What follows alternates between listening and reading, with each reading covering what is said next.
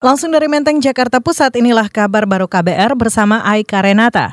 Presiden Joko Widodo meluapkan kejengkelannya pada Menteri-Menteri Ekonomi karena tak sanggup membuat terobosan kebijakan untuk memudahkan investasi dan ekspor. Padahal menurut Jokowi, ia sudah memerintahkan para menterinya segera menyiapkan instrumen fiskal untuk menaikkan ekspor dan menarik investor, menanamkan modal ke dalam negeri. Jokowi menilai penguatan investasi dan ekspor itulah yang akan menyehatkan defisit perdagangan yang mencapai 2,5 miliar US dollar pada triwulan pertama 2019. Kita rapaskan lagi, ini adalah rapas yang keenam. Tolong garis bawah ini adalah rapas yang keenam yang terkait keinginan saya di awal untuk terobosan kebijakan di bidang investasi, di bidang ekspor, dan di bidang perpajakan. Misalnya kebijakan investasi, urusan perizinan, nggak ada tendangannya apa-apa menurut saya sampai saat ini. Jokowi menilai ekspor dan investasi menjadi kunci utama untuk menyelesaikan defisit perdagangan dan neraca transaksi berjalan. Jokowi juga mengingatkan agar kebijakan tersebut disusun secara konkret agar tidak menyulitkan pelaku usaha. Ia pun kembali memerintahkan para menterinya segera mengeksekusi kebijakan yang akan memperbaiki iklim investasi dan ekspor di Indonesia. Jokowi mengatakan insentif fiskal bisa menjadi daya tarik pengusaha untuk berinvestasi dana memperbesar ekspornya.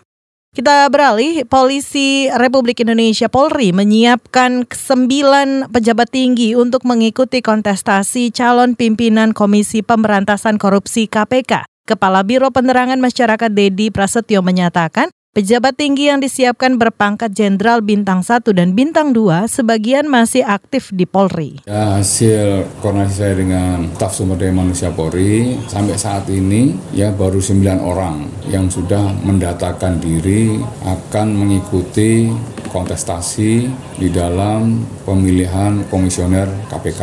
Mekanisme yang ada di internal Polri ada peraturan Kapolri yang nomor 1 tahun 2015 ya tentang penugasan khusus anggota Polri. Juru bicara Polri Dedi Prasetyo menjelaskan pihaknya akan melakukan seleksi internal dan seleksi administrasi terhadap kesembilan pejabat tinggi tersebut. Seleksi termasuk mendalami kompetensi, rekam jejak dan pengalaman tugas mereka di bidang hukum.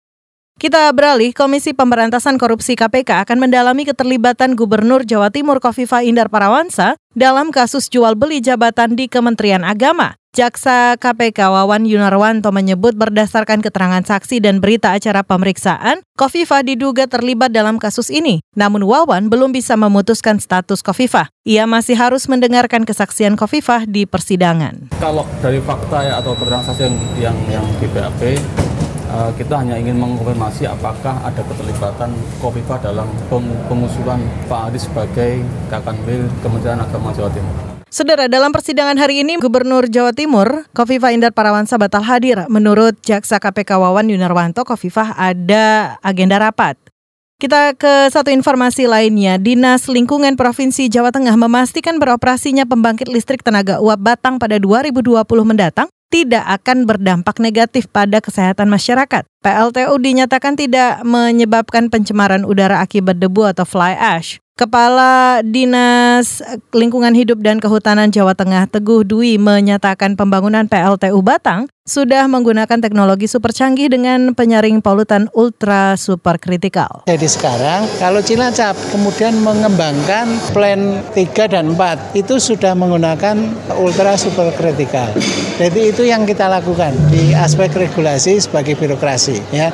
Jadi insya Allah yang ada di Batang itu tidak sesuai dengan pemikiran orang, tidak akan ada terjadi polusi debu. Lebih lanjut, Teguh menyatakan penggunaan ultra super kritikal di PLTU Batang dan Cilacap akan berbeda dibandingkan dengan PLTU Rembang dan Cilacap tahap 1 dan 2 yang telah beroperasi yang masih menggunakan teknologi super kritikal serta masih menghasilkan abu. PLTU Batang merupakan pembangunan proyek yang akan menghasilkan kapasitas listrik 2000 MW. Pembangkit batubara ini disebut untuk mencukupi kebutuhan industri di beberapa daerah di Jawa Tengah, antara lain Pekalongan, Kendal, dan Semarang. Demikian kabar baru dari kantor Berita Radio KBR, saya Aika Renata.